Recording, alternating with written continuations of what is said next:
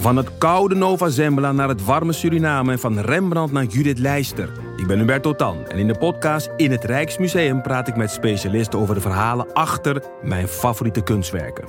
Nieuwsgierig? Beluister nu de nieuwe afleveringen. Hoi luisteraar, wij zijn Hugo, Max en Leon van de Grote Podcastlas. Wij zijn drie geografen en elke week behandelen wij een ander land. We bespreken onder andere de geschiedenis, politiek, natuur, maar ook de sport, de muziek en natuurlijk het eten. De nijlpaarden van Pablo Escobar, de vele bunkers van Albanië en het verschil tussen een sheik en een emir zijn zomaar wat voorbeelden die langskomen. Maar we bespreken ook de geopolitieke invloed van China in Afrika en de impact van het Europese kolonialisme. Luister dus wekelijks naar de audioversie van de Atlas, de Grote Podcastlas.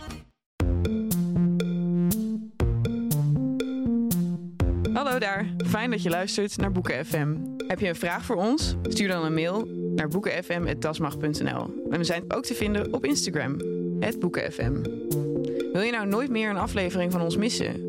Abonneer je dan nu in je eigen podcast-app. En geef ons ook vooral een heleboel sterren en recensies. Dan zijn we ook zichtbaarder voor anderen die ons misschien willen luisteren. Maar goed, die is weg. Zij geeft zich over aan Rodolphe. Maar dan wordt ze al gauw echt heel verliefd op hem. Echt crazy. Hij- zij schrijft hele lange brieven. Hij schrijft hele korte brieven. Ja. Het is voor iedereen eigenlijk duidelijk dat hij al lang... Het was gewoon zo dat zij die brief stuurde dan twee blauwe vinkjes. Ja. En dan zo drie dagen niks.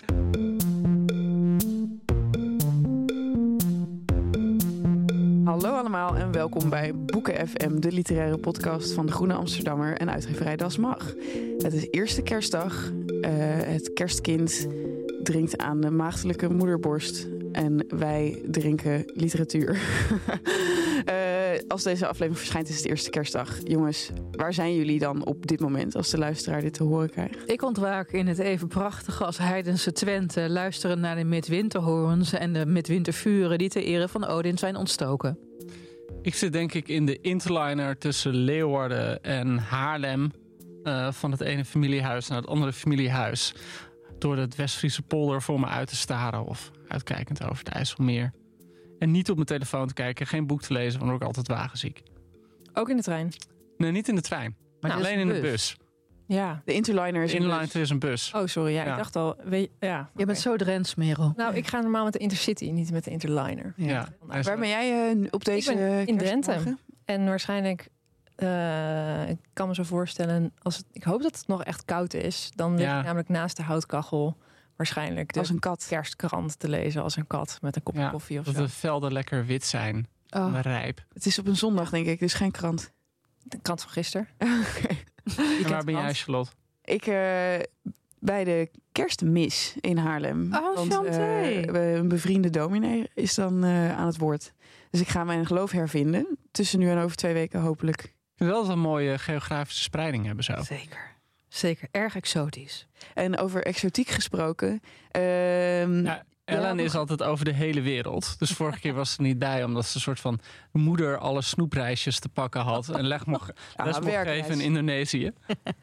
Het zijn wel echt zoals van die mannen van vroeger dan eventjes naar de oost gingen. En dan weet je dat ze alleen maar aan het partyen waren. Ja, Op de soos, ja, het was Ja. geweldig daar. Eh, ja, maar ik heb dus helaas geen deel mogen uitmaken van jullie Nan Tepper podcast. Maar ik wilde nog wel een kleine aanvulling daarop doen. Ik heb hem natuurlijk met veel plezier beluisterd. Wat maken jullie toch een goede podcast? Even wel, hè? ongelooflijk. Ehm, eh, jullie hadden op een gegeven moment over het omslag van de eeuwige jachtvelden. Waarop je dus een meisje ziet dat, eh, en ik parafraseer Joost even, eruit ziet alsof ze haar pony met een kartelschaar in een dronken bui heeft bijgeknipt en zo. En eh, één iemand die ik ken, die uh, Dan Tepper van vroeger kent en ook veel met hem samengewerkt, die zei ja, ik wil even wat historisch besef aan toevoegen. Zij heeft het origineel van die foto ook op kantoor hangen. Die foto is blijkbaar van Dan Tepper. De- ik weet niet of hij dat meisje kende, maar zij was een muze voor hem. Dus eigenlijk was zij een Oh. beetje het grote Dus het was een heel persoonlijke reden dat die foto op het Dat omslag verklaart ook wel dit dat hij nog echt steeds iemand. erop Ja. staat. Ja. Ja. Oh, Ja, ik althans, dacht dat dat begreep ik van. een stokfoto van Ja. een Nee. verdrietig meisje was. Nee, nee, nee, nee, nee, nee, nee. Ik weet niet, hij had geen zus, geloof ik. Maar het is wel iemand van een vergelijkbare belangrijkheid voor hem. Dus dat eh, hebben we, nee, hebben dat we wat geleerd. Goed om te weten, goed om te Hey, weten. het is kerstmis. Dus we moeten een kerstboek gaan bespreken. Wat gaan we doen, Charlotte? Nou, we hebben een cadeautje ook, Het is ook een cadeautje aan onze luisteraars, inderdaad. Want we hebben gehoor gegeven aan jullie verlangens. En eh, blijkbaar is een van die verlangens om eh, Gustave Flaubert met ons te lezen. Ehm, en dan hebben we het natuurlijk over zijn debuutroman Madame Bovary. Kunnen jullie geloven dat dit iemands debuutroman is? Nou, als je die achtergrond van hem weet, eigenlijk, uh, ja, het, is zo'n fan, fantastisch knap boek. Ik bedoel, het leest natuurlijk niet als een debuutroman, maar Flaubert had hiervoor al twee romans eigenlijk geschreven. Hij had een novelle uitgebracht, uh, genaamd November, en hij had ook, dat vind ik echt een hilarische ja, quote uit zijn leven. Hij had ooit, zag hij een schilderij van de verzoeking van de heilige Antonius. Daar heeft hij een heel groot boek over geschreven. Vervolgens nodigde hij al zijn friends uit in zijn huis. En is hij vier dagen lang dat manuscript gaan voorlezen. En toen hij na vier dagen hijgend, weet je, met een gordroog keel zei... En, en wat, en, en wat vinden jullie van? Zei ze, ja, gooi maar in de open hart. ik denk, jij vertelde mij dit eerder en toen dacht ik van deze mensen moeten echt zoveel zijn gepaaid met drank en eten dat ze dit vier dagen hebben Maar wat een vrienden. Want na dag één weet je al wel dat het niet deugt. Hè? Na dag één dat je, nou, ik weet niet. Maar wat ik, mij ook, wat, wat ik ook in mijn onderzoek heb ontdekt, is dat hij toen hij 27 was, al op het nieuwsbericht stuitte dat dit dat de basis vormt voor deze roman. En daar heeft hij er vervolgens nog jaren mee gewacht om het uit te werken. Want ergens ten noorden van Rouen was er een jonge doktersvrouw die het geld er doorheen joeg. Een vreemd ging bij de vleet en uiteindelijk zichzelf met behulp van cyanide het leven benam. Een zekere Delphine de la Mar. En dat was een, een voetnoot in de krant. En hij heeft die voetnoot nooit vergeten, heeft het stuk bewaard. En toen ging hij deze roman schrijven. Ook een beetje op aandringen van zijn vrienden. Die vonden dat, naar aanleiding van de verzoeking van de heilige Antonius... hij maar beter geen historische fictie kon schrijven. dus ze daagden hem uit om gewoon over het meest middelmatige... het meest mondaine te schrijven wat maar kon. En om, dat, om zich daarvoor voor te bereiden, ging hij eerst nog even door Egypte en, uh, en de rest van de Arabische wereld reizen. En ja. een paar bordelen daar bezoeken. Oh, en daarna was alle hij bordelen helemaal klaar. Ja, echt, hij heeft zoveel. Hij wist ook, hij wist ook op, op een gegeven moment van welke hoer hij waarschijnlijk welke SOA had opgelopen. Hij was een vergaarbok voor geslachtsziekten. Oh, een soort Pokémon. Uh, nee, nee, hij heeft die reis door Oriënt gemaakt. Dat is volgens mij als privédomein uitgegeven ook. En dat is echt zeg maar, zoals andere mensen van musea naar musea gaan, zo ging hij van bordeel naar bordeel. Wow, yo. geen wonder dat hij over de lichte zeden schreef. Uh, want uh, toen dit boek verscheen, uh, werd het ook nogal schandalig bevonden. Ja, want voor de goede orde, ook maar even historische duiding. Flaubert is van 1821. Ja? dit boek verscheen in 1857, dus hij was 36. Toen het in het jaar daarvoor als feuilleton in de krant verscheen, toen uh, leverde dat hem al een heleboel commentaar op. Want het zou een soort van, uh, wat is het?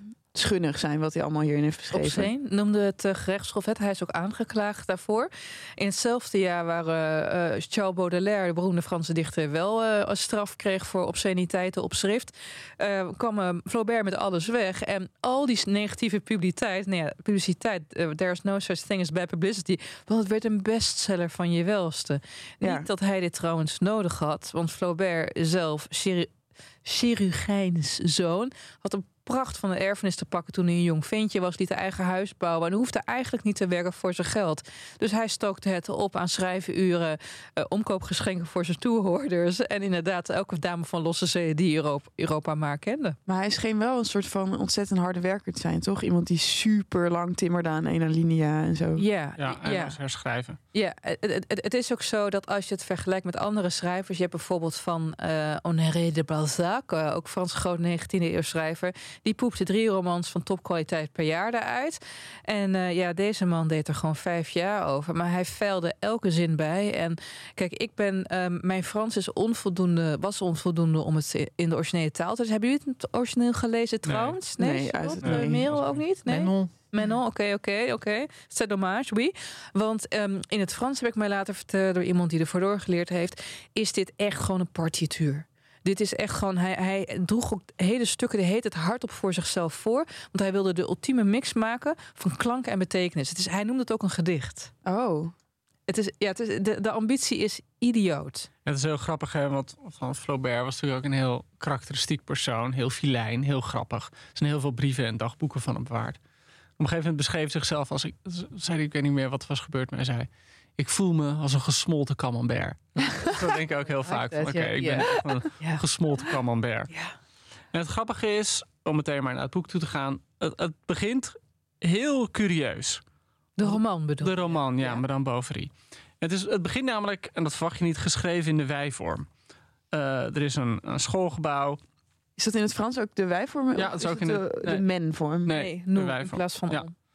Eh, we zaten in de studiezaal toen de rector binnenkwam, gevolgd door een nieuwe in burgerkleren. En door de conciërge die een re- grote lessenaar droeg. Wie sliep werd wakker en iedereen rees overeind alsof hij opschrok uit zijn werk. En de nieuwe, half aan het oog ontrokken, in de hoek achter de deur blijven staan. Een boerenjongen van een jaar of 15. Een stuk groter dan een van ons. Zijn haar was rechtop langs zijn voorhoofd afgeknipt, als bij een koorknaap uit de dorpskerk. Hij maakte een gedweeën, doodverlegen indruk. En deze wij, of deze, deze nieuwe, is Charles Bovary. Ehm, en het is een sukkeltje, het is een, een, een, al snel pispaaltje. Hij moet opstaan en zijn pet valt af. En iedereen lag gewoon dubbel en hij weet het allemaal niet. pet. Het is een rare pet. En het grappige is, je verwacht natuurlijk niet dat zo'n boek in de, ik, in de wij-vorm begint. Maar dat, dat werkt, heeft wel meteen een effect. Het is meteen duidelijk, er is een koor. Er is een gemeenschap die naar individuen kijkt en precies opziet wie niet in de pas loopt en wie wel in de pas loopt. Dus je hebt meteen, begint het boek al met een soort van provinciale bekrompenheid die erin zit. Met een soort eh burgerideaal dat iedereen keurig moet doen wat iedereen doet. En anders word je erop afgerekend. Dus die groepsdruk zit er meteen in.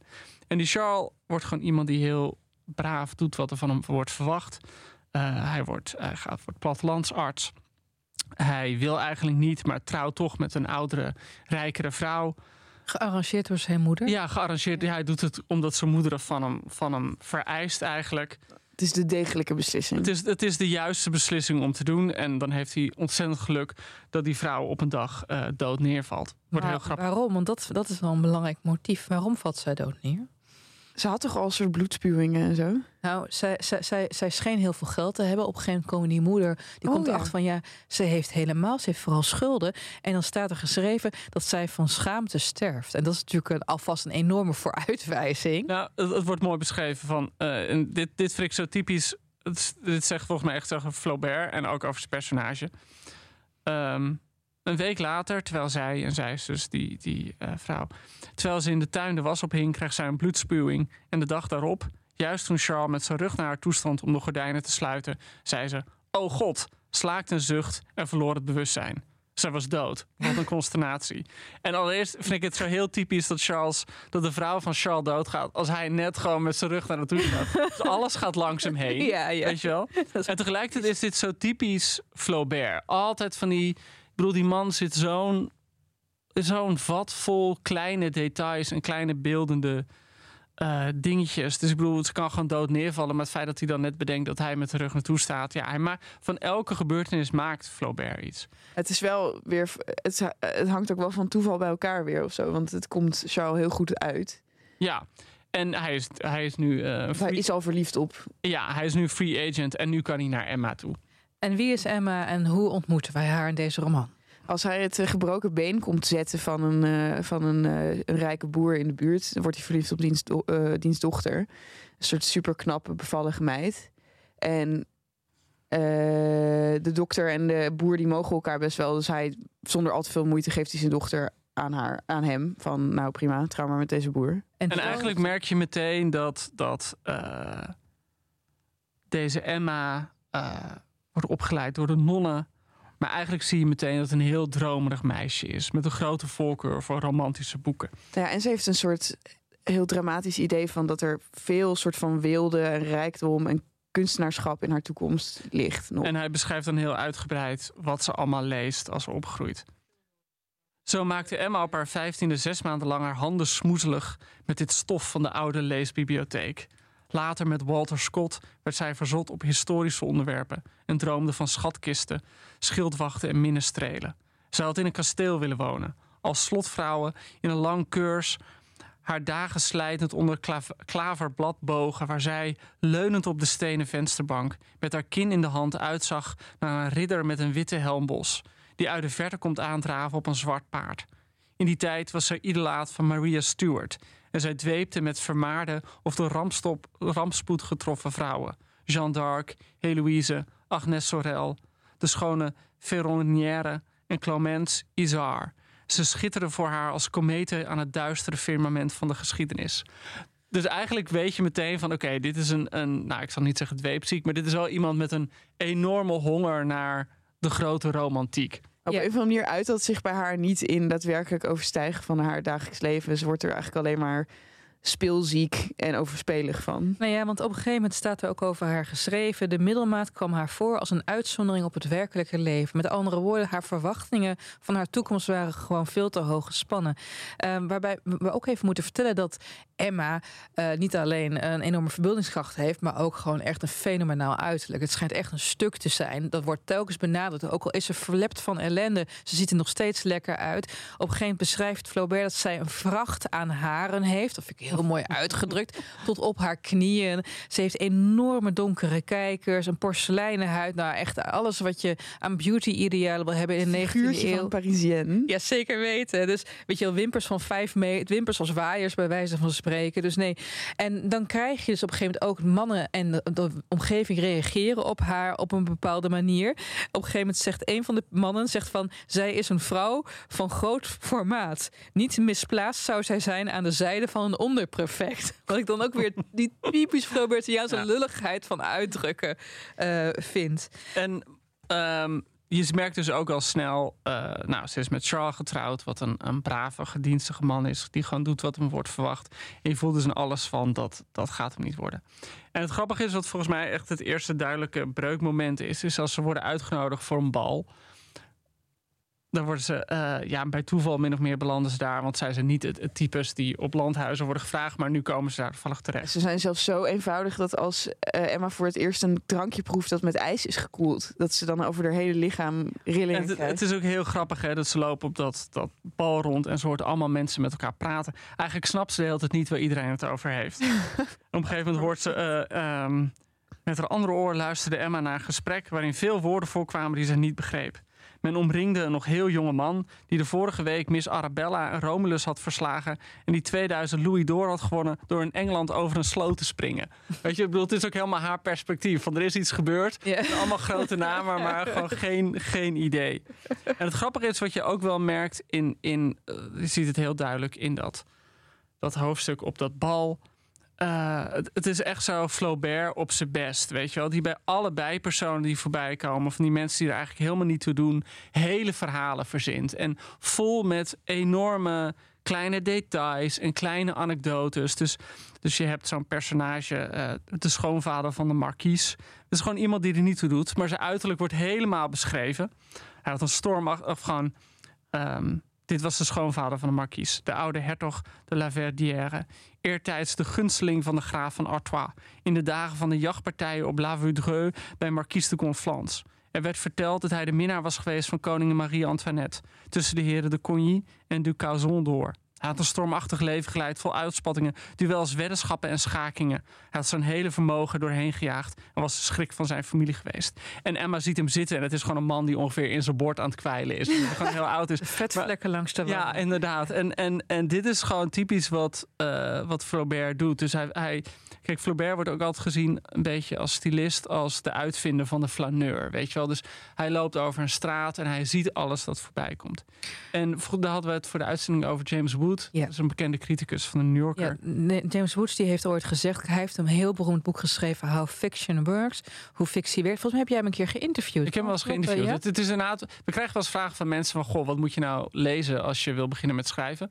Dan is dit echt een heel mooi boek. Het staat gewoon vol met prachtige zinnen... en waarom het prachtige zinnen zijn. En hij is een diehard fan van Flaubert. En van hem is de gevleugelde uitspraak dat wat de lente is voor dichters, als inspiratiebron dan, is Flaubert dat voor de prozaïsten. Want met hem begon realisme en de filmische blik op de werkelijkheid. En daar excelleert hij in. Ja, ongelooflijk. Ja, eh, James Wood heeft het eh, over Flaubertiaans realisme.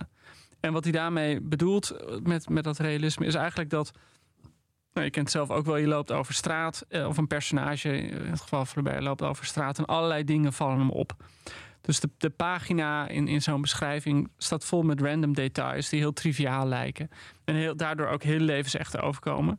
Maar de truc is natuurlijk dat ze helemaal niet random zijn. Ze zijn juist heel goed gekozen en, en heel precies gekozen. Dus je moet denk ik, de les is altijd dat realisme ook gewoon een construct is. Hij kon vijf dagen doen over één aline- alinea.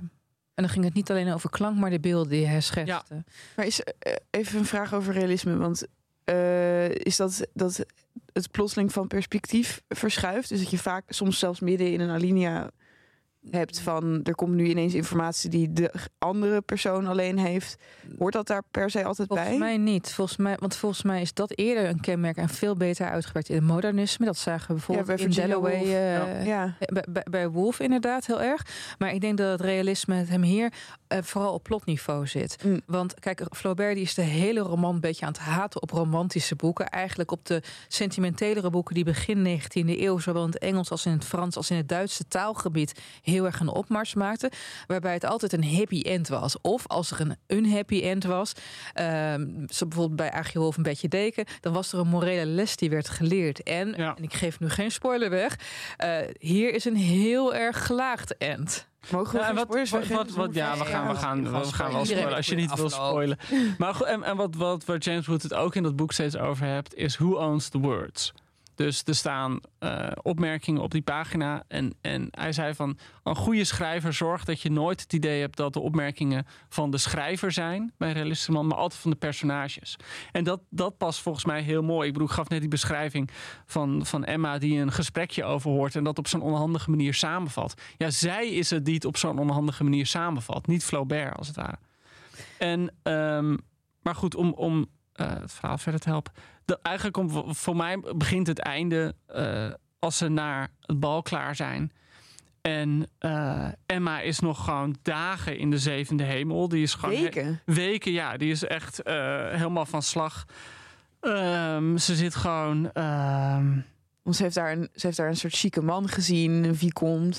En hij rook naar oranje bloesem. Hij heeft met haar gedanst, maar ook de zijde jurken. De Ja, meer dan dat was het gewoon de luxe van daar zijn. En De dan haar, haar eenvoudige leven staat haar heel erg ja, dus tegen. zij is helemaal in de zevende hemel. En Ja. die man, ze komen thuis. En die man zegt: God, slaat in zijn handen. Zegt hij: God, wat is het toch heerlijk om weer thuis te zijn.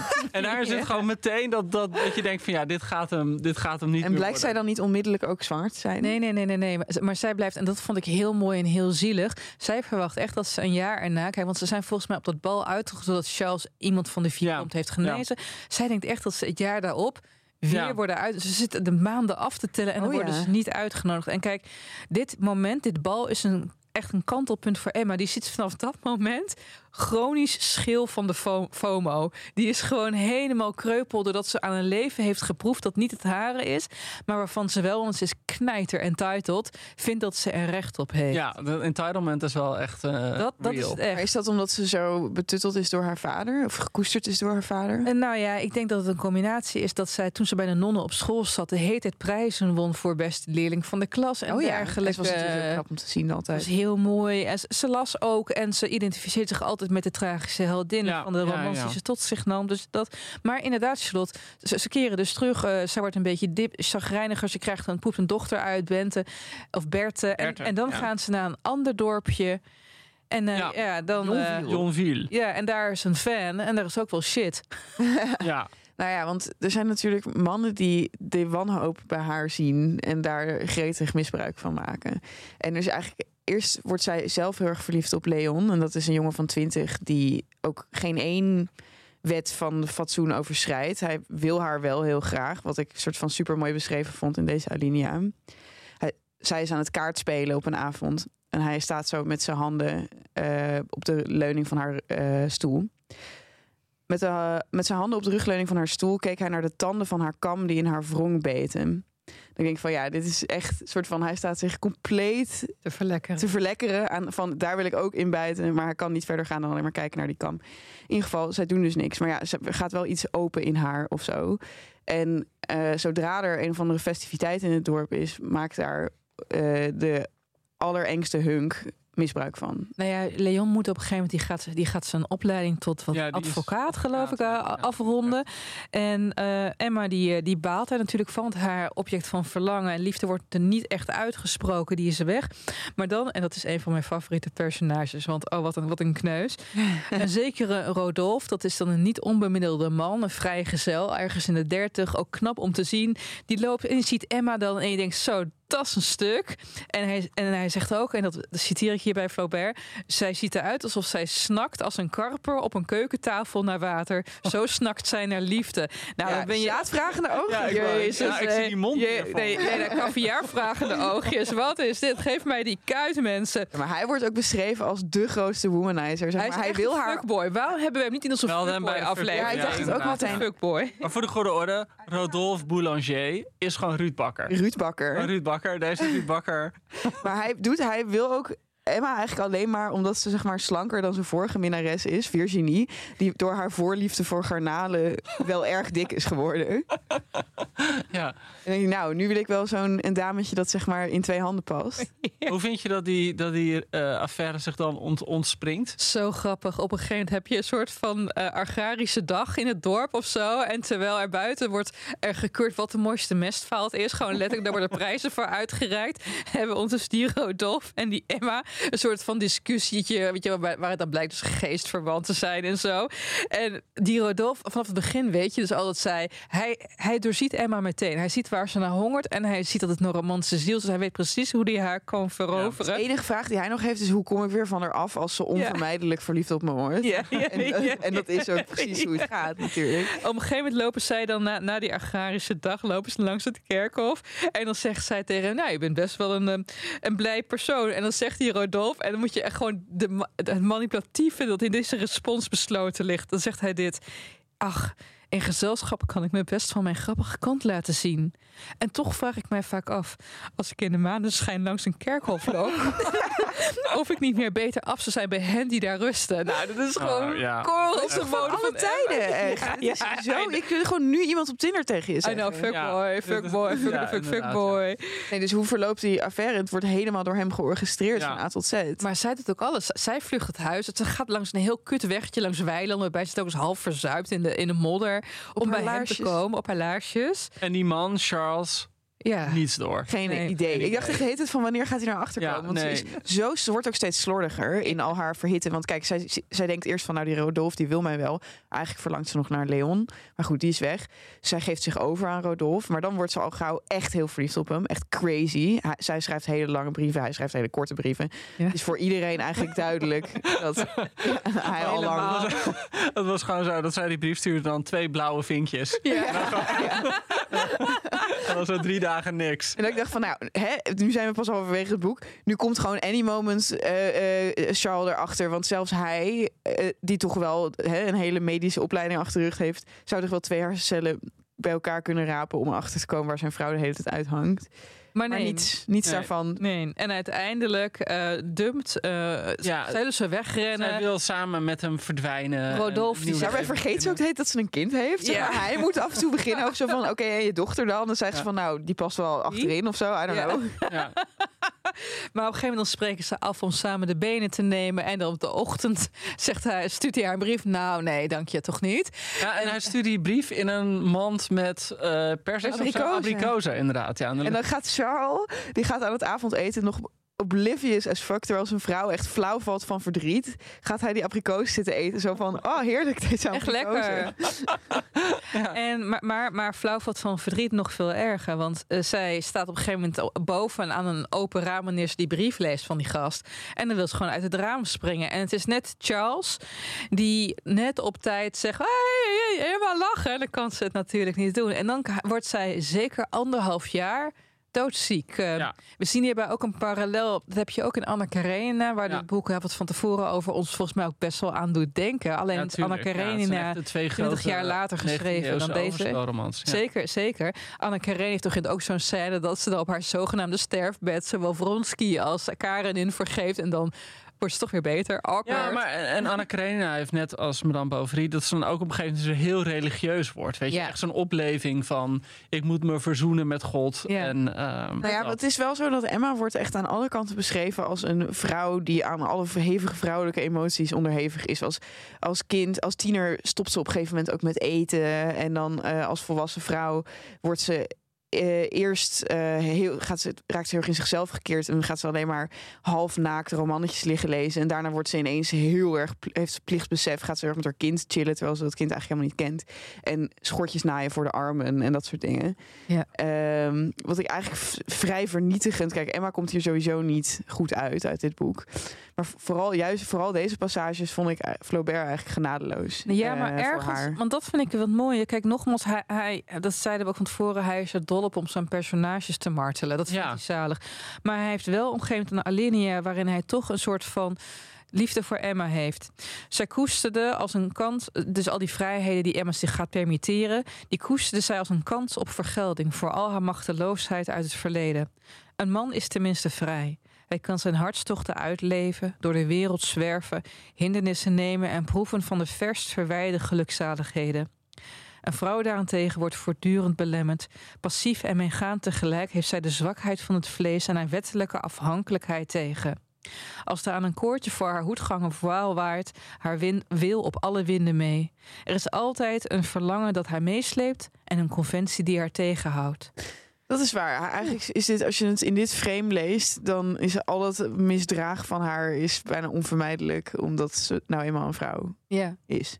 Nou ja, goed. Dus Emma die is heel ziek hiervan. eh, en na anderhalf jaar zegt iemand tegen Charles... We dat is een personage waar we trouwens nog niet over hebben gehad. Homer, de apotheker. Misschien Oh ja, dat we het ja. nog even over hebben. Die zegt van... hey, weet je wat een goed idee is... voor je vrouw die totaal niet tegen verbeelding kan? Neem haar mee naar de Schouwburg in de grote stad. Dat is echt goed voor haar gemoed... en dat helpt tegen haar FOMO. En Charles van... Ja, tof, dat doen we nou. Dan zit ze in die Schouwburg. En wie komt ze tegen? Leon. Die inmiddels Daar is denk ik wel vrouwen heeft bekend. Weet Ja. je wel? Ja. Ja, vrouw heeft bekend. Dat is een mooie term altijd. Nou, maar er wordt wel gezegd van hij heeft tijdens de studie had hij wel chance, maar ging er niet al te veel op in. Nee, want hij nee. verlangde toch nog wel terug naar Emma. Ja. Nee, daar zit Eh, wel een, een meer echte, een meer waarachtige liefde. Hij is wel de lieverd van, van als Ja. we hem met Rodolphe vergelijken, zeg Ja. maar. Ja. En zij beginnen aan een stormachtige verhouding. Echt met alles erop en eraan. Eh, liegen en Oh, nou, brieven naar een ander adres laten bezorgen in een dubbele envelop. Eh, zeggen dat je in het ene hotel hotels. slaapt en in het andere hotel slapen. Ja. En ze verzint echt de ene leugen op de andere. Eerst om, alleen om deze affaire te verhullen. Ze gaat bijvoorbeeld, ze liegt dat ze pianoles heeft, maar eigenlijk ligt ze met hem in bed. En dan vervolgens kan ze ook eigenlijk niet... Charles nog steeds niks door. Hij denkt, helemaal top. Gewoon top. Zij En- heeft gewoon leuke, leuke zij gaat ook, doen. ze is Ja. zo manipulatief. Ze, ze doet eerst alsof ze slechter piano kan spelen dan eerst. Opdat hij haar naar pianoles stuurt. vooruitgang kan zien. Ja, en zodat ze dan steeds beter kan worden zonder daadwerkelijk les te volgen. Echt heel snaky. En er staat ook op een gegeven moment van dat ze het wordt compulsief. Ze kan eigenlijk niet meer anders dan liegen tegen haar man. Nee. Ze zegt dat ze, als ze aan de rechterkant van de weg naar huis heeft gelopen, zegt ze dat ze aan de linkerkant van de weg naar huis heeft gelopen. En daar komt niet alleen bij dat ze hem in echtelijk opzicht flink aan het bedriegen is, maar ook, en dat Ja. die komt de ondergang, jongens, in financieel opzicht. Want het gehucht waar zij dan op een gegeven moment naartoe zijn verhuisd, daar loopt een zekere leureus eh, rond. Dat, dat, volgens mij Ja. betekent dat gelukzalig. No, no, nomen est omen. Ja, nomen est omen. is gelukkig. Dit is een zwendelaar. Eh, ja. Dit is iemand die zegt: Oh, je kan bij mij alles op krediet kopen. Oh, wil je geld lenen? Helemaal goed. Maar hij is een soort weekamp. Dus alles wat je van die gast leent en niet meteen op tijd terugbetaalt, moet je heel veel rente overheen betalen. En het past natuurlijk ook helemaal bij haar fantasieën van grandeur die ze heeft. Want Ja. eigenlijk ziet zij zichzelf natuurlijk niet alleen als zo'n romantische, tragische heldin. Maar ze ziet zichzelf ook als een soort van halve aristocraat. Dus natuurlijk vindt ze dat ze recht heeft op mooie kettingen en mooie kleren. En allemaal luxe items eh, uit de, hè, de, vlees, de lokale vleesjuwelier en groentejuwelier. Ja, en ik, ik, ik moest denken aan een, eh, aan een beroemd citaat van een andere grootse, groot schrijver, Kendrick Lamar. Die op een gegeven moment ergens zegt: Alles wat je je voorstelt is van jou. Ja. En dat is Emma ten voeten uit. Zij, zij vindt de manier om gewoon via schuldbrieven haar man te bedriegen. En ze gaat zich te buiten aan kostbaarheden. En op een zeker moment eh, gaat dat mis. Want Ja, ze gaat best wel ver in dit bedrog, want ze, eh, op een gegeven moment laat ze zichzelf machtigen om de financiën van het huis te regelen. Ook al is dat is eigenlijk de taak van Charles. Zodat ze dan nog verder kan gaan in schulden oplopen. Terwijl, zodat ze zelfs een erfenis die Charles toekomt, stiekem kan verpatsen. Eh, en die Lheureux, je ziet het echt al vanaf het begin aankomen. Hij blijft maar steeds zeggen van Neo, Neo, neem nog wat dure gordijnen. Ik, eh, we, we gaan het niet afrekenen, never. Die staat opeens voor de deur met een deurwaarder. Gewoon van, ja, nu wordt je huis en de inhoud ervan geveild. ja, Hadden En- jullie medelijden met Emma. Emma? ja. Ik vond haar zo. Ik, ik snapte niet dat ze Charles niet in vertrouwen nam. Want hij had haar alles vergeven. Ze had gewoon veel eerder al. Ja, maar ze opbiechten. ze wat was was natuurlijk gebeurd. ook boos op Charles. Want dat hebben wij er nog niet bij verteld. Hè? Op een gegeven moment, kijk, je, je moet beseffen, beste luisteren, deze Charles is niet een echte arts. Hij heeft een bepaalde graad van geneeskunde gehaald, maar met hakken over de sloot. En in het Franse medicinale stelsel in der tijd waren er nog hogere artsen, weet je wel, dus hogere specialisten. En op een gegeven moment heb je in het dorp iemand die rondloopt met een klompvoet. Oh, ja. En dan Oh zegt ja, inderdaad. de ja. Of een horrelvoet, maar hij weet niet zeker ja, welke van de twee. Dat is het pijnlijke. En hun buurman, de kwakzalver slash apotheker... die ook al eerder voor kwakzalverij veroordeeld is door het gerechtshof... zegt, oh, ik weet die en die chirurg... je moet eh, de operatie doen. Ga ik er een goed krantenartikel over schrijven... want die kwakzalver is ook nog eens een soort van journalist... van het plaatselijke dagblad, Ja, een weet soort je van wel. de lokale vlogger. Ja, zo, zoiets. En dan vindt die operatie plaats.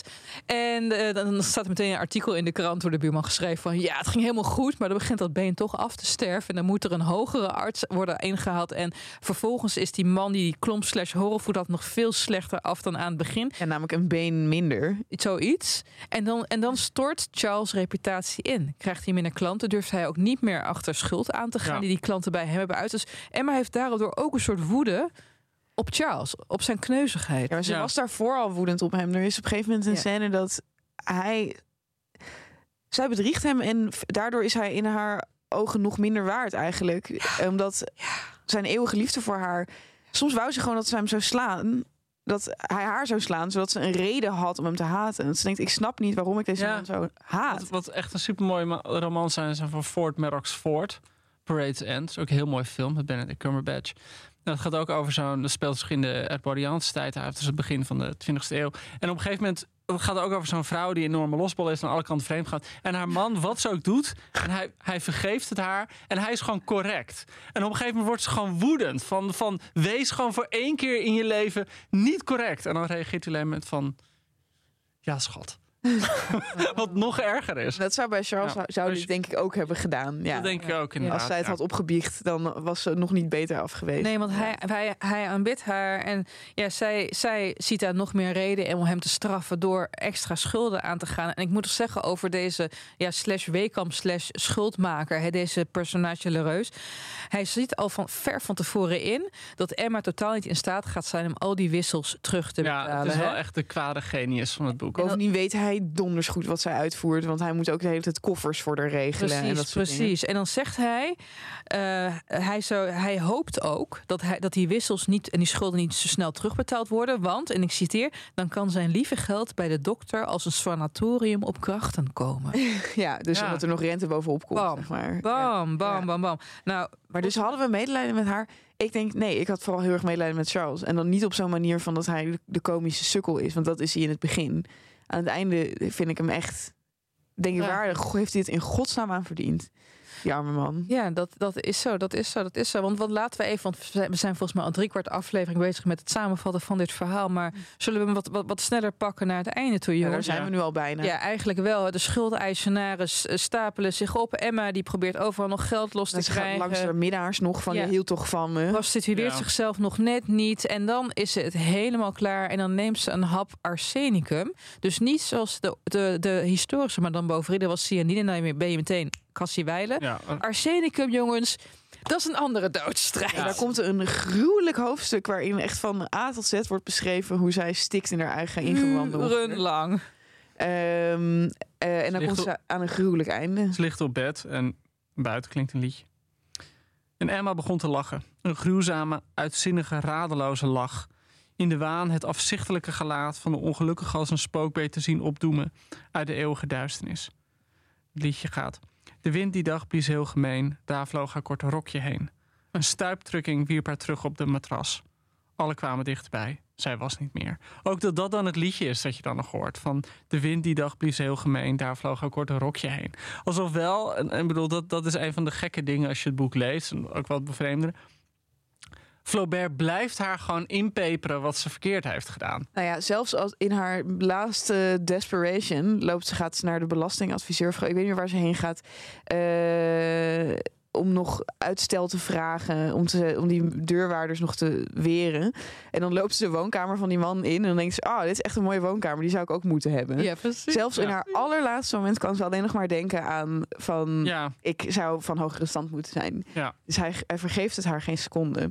Nee, en dan, eh, dan, dan, is, dan denk je, nou, het, het- de roman heet Madame Bovary. Madame Bovary is dood. Ik moet trouwens zeggen, zijn drie Ma- Madame Bovary's in het boek. Hè. Dit is de eerste echtgenoot van Charles en zijn moeder. Maar dit was wel de, de hoofd Ja. Madame Bovary.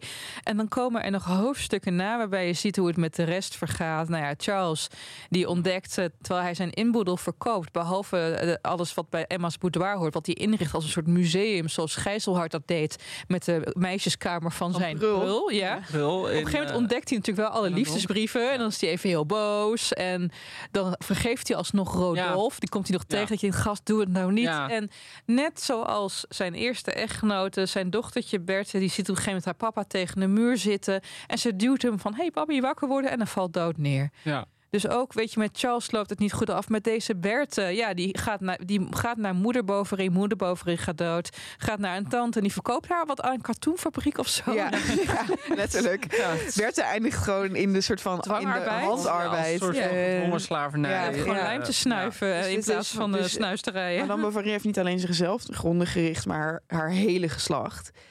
Ehm, Ja. En eigenlijk al die mensen die uh, Holmain en zo, die eigenlijk een beetje de concurrent was van, eh, van Charles. Nou, die, die gaat gewoon geweldig voor de wind. Die Ja. heeft gewoon lekker vrij spel in het dorp. Krijgt hij niet een, een of andere Ja, ereprijs? krijg, Ja, ik krijg- krijg ja. het erekruis. Kijk, en het grappige is, deze Homer die kijkt aan het begin van de roman heel erg op tegen Charles. En, en Flaubert die beschrijft dat ook heel filijn dat deze Homer praat alsof hij telkens voor een denkbeeldig publiek redevoert. En hij is dus al eerder voor het gerecht geroepen wegens kwakzalverij. En hij probeert vanaf het begin te slijmen bij Charles, zodat hij door beleefdheden aan hem wordt gebonden. En uiteindelijk steekt hij die Charles een keiharde dolk ja, ja. eh, in, in, in de rug. Dus ja, ehm, iedereen, eh, iedereen dood, de middelmatige overwinnen. Einde. ja. Eh, nu we al onze hoofdpersonages voorbij hebben zien komen, is het misschien eventjes tijd om ons denkbeeldige film te casten. Oh, Deze, Dit boek is natuurlijk veelvuldig verfilmd, al in 1936 voor het eerst, geloof ik. Ja. Ja, nee, en, en ik bedoel, het is zo'n zo'n film, zo'n boek waar gewoon eindeloos veel spin-offs van zijn gemaakt. Je hebt ook, ik ben even vergeten wie, een, een Franse auteur, opnieuw uitgegeven in vertaling. Die heeft dan een boek vanuit Charles geschreven ook. Oh, wat wel, ook heel zielig is. En eh, ehm, wat een geweldig boek is van, van Julian Barnes, is Flaubert's Parrot. Ja. Wat eh, eh, het perspectief heeft van een, een weduwnaar die ook geobsedeerd is met Flaubert en alles verzamelt. Dat, dat, dat boek wat eindeloze lijsten met Flaubert, met Flaubert trivia en zo. Een van de grappige dingen is trouwens dat hij zo'n lijst heeft in het boek met de foutjes die in het boek zitten. Dus bijvoorbeeld eh, Julian Barnes. Julian Barnes, ja, bijvoorbeeld dat, dat eh, Emma is zo knap. Maar hij beschrijft haar ogen een keer als grijs, een keer als zwart, een keer als bruin, een keer als blauw. Gewoon dat soort Ja. dingetjes. Het is Die echt zo'n boek. niet. Ja, Ja. bij Leon. Die, Leon is in de eerste beschrijving blond en later heeft hij kastanjebruin haar. Ja, maar Ja. blijkbaar in al die jaren. te wachten tot Of het moment komt. Mooi kasteel. Maar in onze fancast. Oké, God. Oké. Oké. Ik zat voor Emma te denken aan, eh, omdat ze zeg maar heel tenger is met zwarte ogen. Dat wordt wel echt. Ja, ja, het is wel donker. Ja. Eh, eh, zat ik te de en, en ze heeft een zekere gekte over zich, absoluut aan het einde. Zat ik te denken aan een jonge Winona Ryder. Oh ja. ja, daar kan ik inkomen. Ik had zelf Kourtney Kardashian. omdat ik die echt niet te harde vind. En even oppervlakkig. Ik weet niet of jullie de Kardashians kijken. Maar even Ja, materialistisch en oppervlakkig. Als Emma. Wie had jij als Ik, zat, Emma? nou, ik zat dus eventjes te denken, of ik weet niet of je de White Lotus gedaan hebben, maar bear with me, aan gewoon Jennifer Coolidge. Als Dus- Emma? Ja, ja, oké, maar dan jonger en donker. Maar dat is die vrouw die de hele tijd gewoon niet helemaal door heeft wat er in de wereld gebeurt. Ja. Zo zag ik, zo zag ik Emma af en toe ook voor me. Ja. En eh, voor ehm, Charles zat ik te denken aan die gast uit de Jumbo-reclames, eh, Frank Lammers. Oh, ik dacht Nee. Jochem Meijer. Oh, echt waar? Wat zag jij dan voor? Ja, Geen Frank Lammers? gewoon een serieus. Ja, maar dat vind ik van die onserieuze figuren of zo. Ik zag toch gewoon meer een, een, een steile figuur voor me. Maar Ja, hij wordt wel als pafferig beschreven de hele tijd. Zeg maar dikker. ja, ja oké, dat is wel zo. Ja. Ik zag meer iets van Herman van der Zand voor me. Gewoon zo'n goede jongen waarvan je denkt: heeft hij het nou door of heeft hij het nou niet? Oh ja, ja, je wil hem toch wel liever maken dan, de NOS. Ja, dan belachelijk. Zeg Hmm, maar. hmm. Dan En- voor eh, Leon zat ik te denken aan Jude Law in The Holiday. Waar, oh, ja, oké, het is kerst, dus jullie mogen over Jude Law. spannend. Ja, het holiday. Ik dacht zelf, ik heb net de voorstelling Indisch interieur van Botaris Kane gezien. Ja, heb Mingus. Dagelet. Oh, die, Mingus speelt daar, Dagelet. die, die speelt daar echt zo'n semi-lulletje roosterwater, heel stijfjes, maar er, er broeit wel iets onder. Ja, Bij Leon. Maar Ja. Leon is toch ontzettend een romanticus? Ja, dat komt uiteindelijk ook er wel uit. Ja. hmm. Maar ik vind het wel goed hoor. Ik had voor Reus, dus de zwendelaar marktkoopman, Arjan Ederveen. Ja, die zou dat heel goed kunnen, denk ik inderdaad. Wie is Ik- jouw Leon? Ja, ik heb altijd gewoon Johan Remkes in gedachten als er kwaadaardige personages zijn. Gewoon een, eh, dat is Oh, voor Heureux. Van een reus, ja. ja. Oh, sorry, Leon. Sorry, de euro. Ja.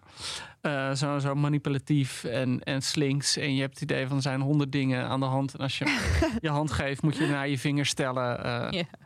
En eh, eigenlijk welke ik het moeilijkste casten vond en ook nog niemand voor heb gevonden is Rodolf. Ja. Hoezo? Dat is toch gewoon Ja, maar wie hebben wij nou nog? hunk? Ja, maar wie is nu de fuckboy hunk? Ik kon eigenlijk niemand bedenken. Hmm. Colin Farrell.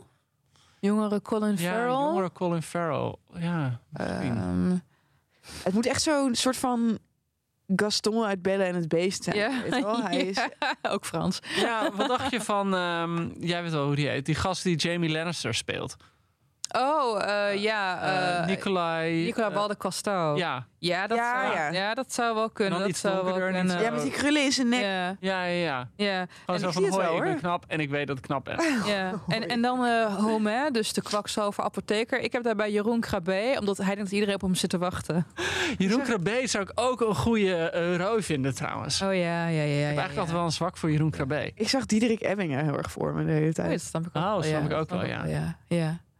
Hoi. Hey, Merel. Merel? Ja, nou, ja, ga, je kan gewoon een plasje doen.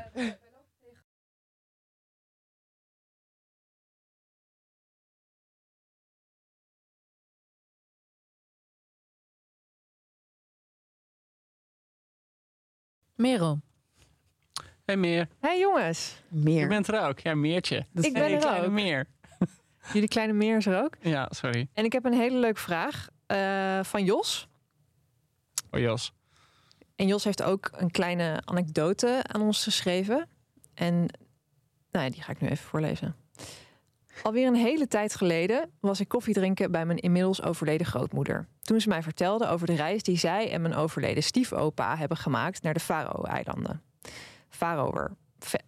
Hoe zeg je dat eigenlijk? Oh. oh Faroer. Faroe-eilanden. Vareur? Ver- Faroe. ver- Vroer.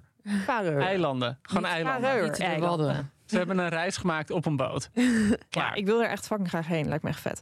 Maar goed, het leek Jos dus ook een fascinerende reisbestemming. Maar haar nuchtere constatering was dat er eigenlijk geen reet te beleven viel.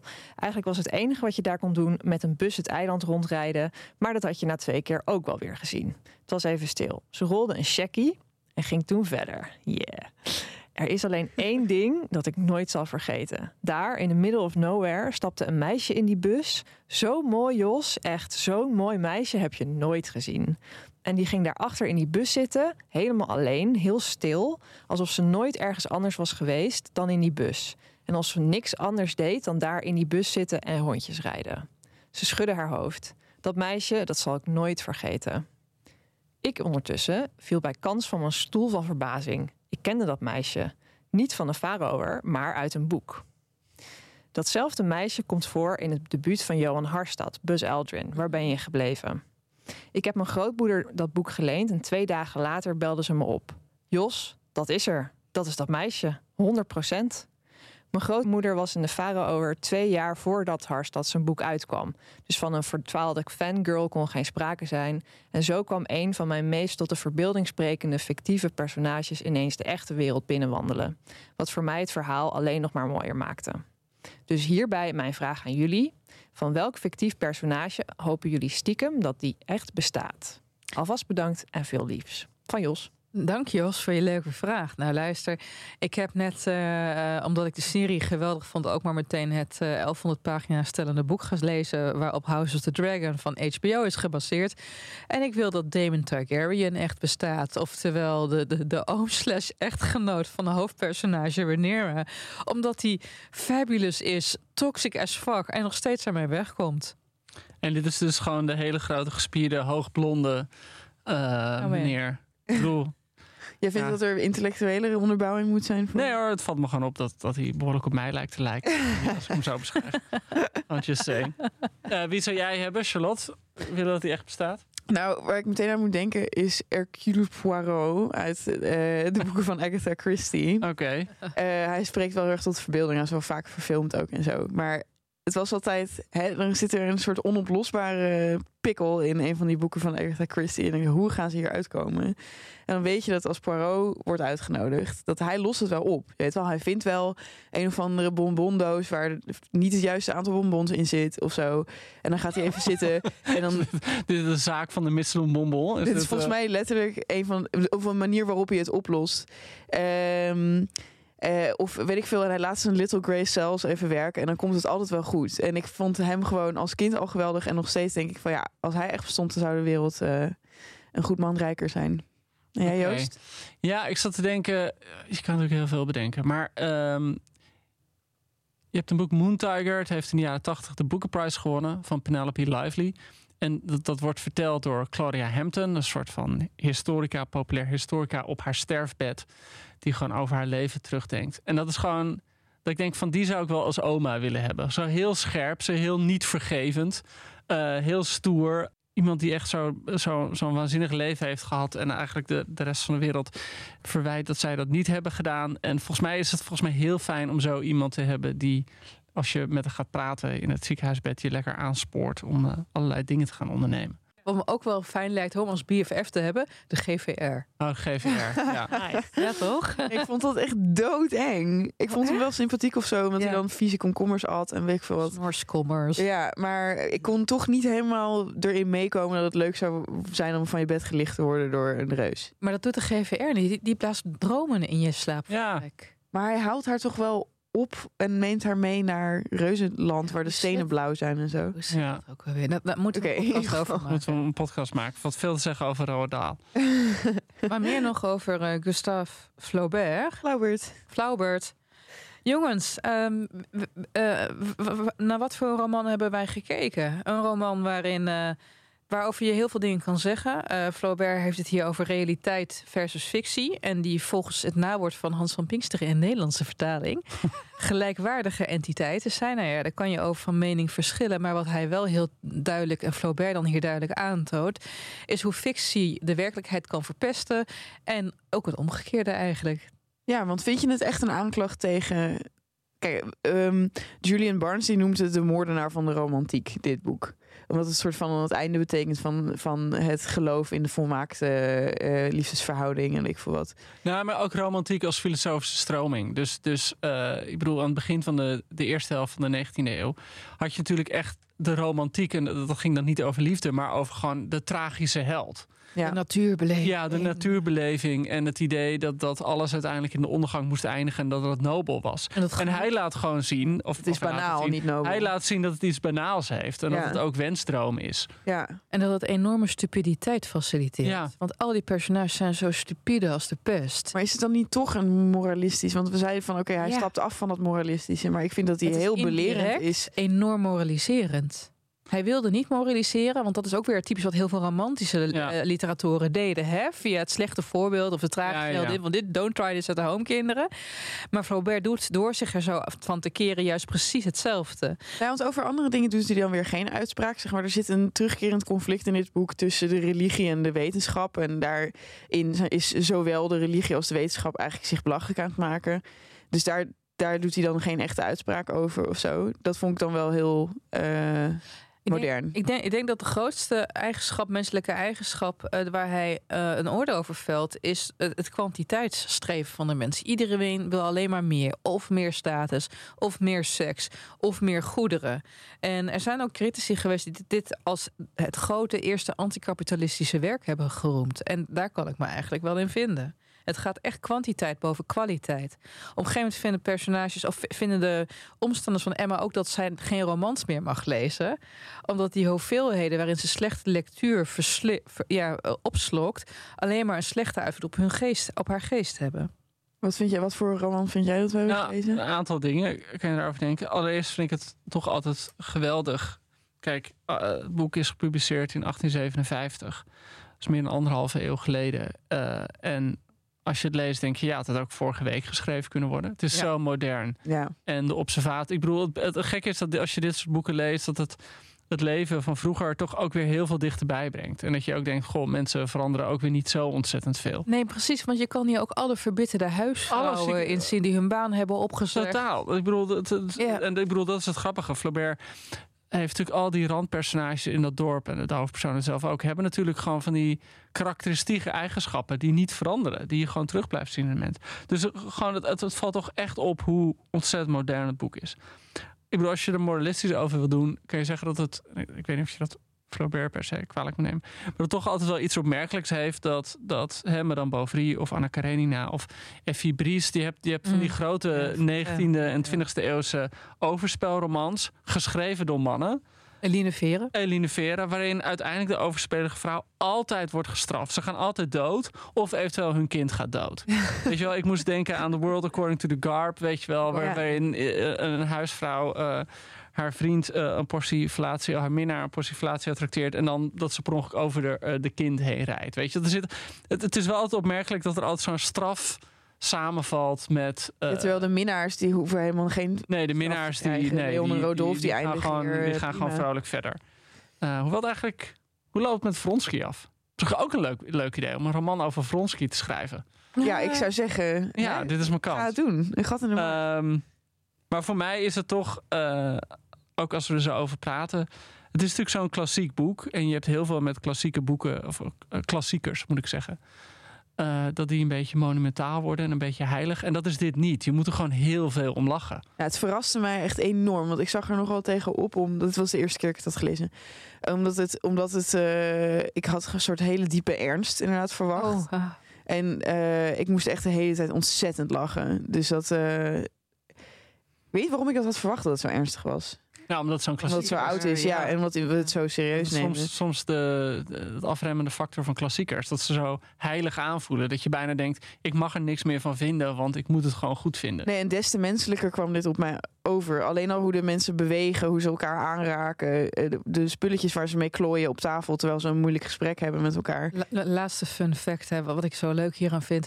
Hij is ontzettend gedetailleerd over die lang, lange dagen die op het platteland worden doorgebracht. En totaal niet gedetailleerd over de seksscènes en de escapades. Nee, nee. Net zoals dat, dat soort dingen in je, als je eenmaal je aan de liefde begeeft, dan is het alles in het hier en nu. En pas wanneer je dan weer moet gaan wachten op liefde, lijkt alles langdradig en lang te worden. Ik vind het ook een hele slimme nabootsing van het tergend wachten op het vervullen van je verlangen. Heel slim gedaan. Ja. Zullen we er dan maar meteen een, cijfer cijfer aan plakken. Het Ja. Bijna gek om hier een Ja, het cijfer aan te heel geven gek of om hier een cijfer op te Nou ja, ik geef een 9,5. En jij, Joost? Ja, ik geef ook wel een 9,5.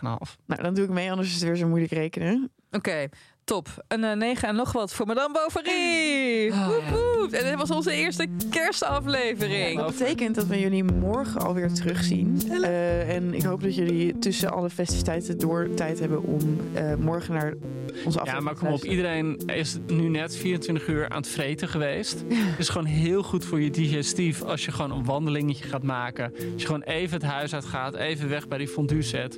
En gewoon eventjes een podcast luistert terwijl je de benen strekt. Ja, als je op tweede kerstdag dan eh, je klaarmaakt voor het gourmetten... kun je luisteren naar de eerste aflevering van onze tweedelige aflevering over Nabokov. Het was De toch Nabokov. Nabokov? Nee. De Nabokast. Vladimir Nabokast. Ja, luister inderdaad morgen naar de eerste deel van de Nabokast. Geniet van de eerste kerstdag. En eh, Tot morgen. tot morgen. Tot morgen. Yes. Ding, ding, ding, ding, ding, ding, ding. Ding, ding, ding, ding, ding.